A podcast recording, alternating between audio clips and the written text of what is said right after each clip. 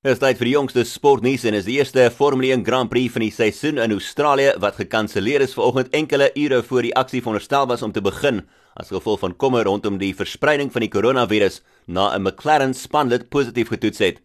Die besluit volg op April se Chinese Grand Prix wat uitgestel is en die tweede wedren van die jaar in Bahrein wat gaan plaasvind sonder enige toeskouers wat groot vraagtekens laat oor die res van die Formule 1 kalender.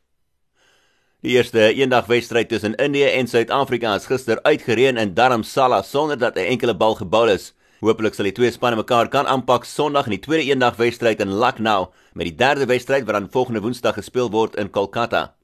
En Wêreldatletiek het aangekondig dat 'n maksimum van 10 Russiese baan- en veldatlete toegelaat sal word om deel te neem onder 'n neutrale vlag by verjaar se Olimpiese spele in Tokio.